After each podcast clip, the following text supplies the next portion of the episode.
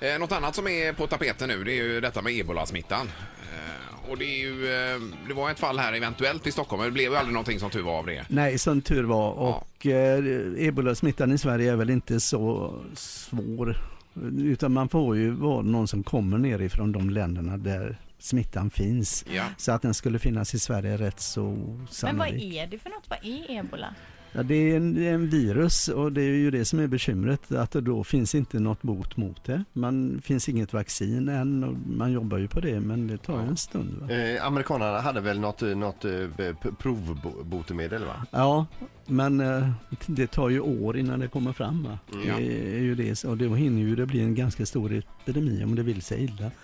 Nu isoleras ju de personerna som har ebola och man hoppas ju att man stoppar det på det viset. Och det, den sprids via vätska då, eller kroppsvätska? Kroppsvätska ja, Ja. och det ofta är ju att de hittat något dött djur i skogen och varit på det. Och, eller vid begravningar har man sett många gånger då de smittade människorna som de begraver och då smittar ju de vidare.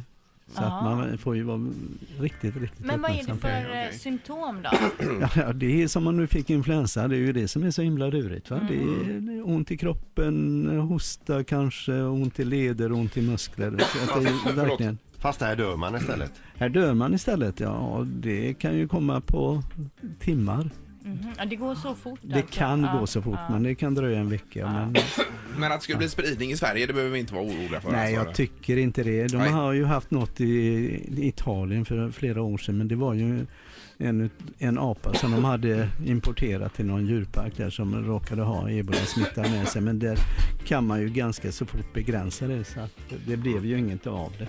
Men eh, den har funnits i Europa på det viset. Men alltså jag, jag förstår ju att det, man, man fruktar ju alltså en, en riktig spridning utav den här ebolan för att eh, och vi, eh, vi reser ju runt om i världen alltså, jag Ja. vet ju det att ehm, för att bara dra en siffra det hänger ju 4000 eller varje dygn är det, eh, är det i luften någonstans på jordklotet 4000 trafikflygplan som flyger folk Överallt, åt- ja. överallt Ja. precis i hela världen. Ja, det vore ju hemskt då att få med en ebola-smittad på ett plan. Va? Det, det är ju våldsamt smittsamt. Så. Eh, Nu hörde inte jag, i och med att jag själv nös Ja. här, men en nys, kan ni smitta ebola alltså till andra då? Med, eh, om man nyser? Ja, det kan man. Det, Det- det, det kan göra. ja, det är Det är inte det, ja. luftsmitta utan det är ju vätska. Just det, Ja. och då kan det finnas vätska i en nys och Ja, säga som, okej. ja, så att du får i dig det. Otäckt. Ja, usch, Så att ja. håll ett avstånd på en meter säger de så klarar man sig ganska right. bra oavsett.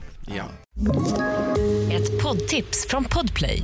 I fallen jag aldrig glömmer djupdyker Hasse Aro i arbetet bakom några av Sveriges mest uppseendeväckande brottsutredningar.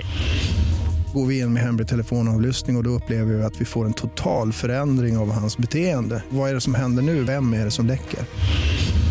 Och så säger han att jag är kriminell, jag har varit kriminell i hela mitt liv men att mörda ett barn, där går min gräns.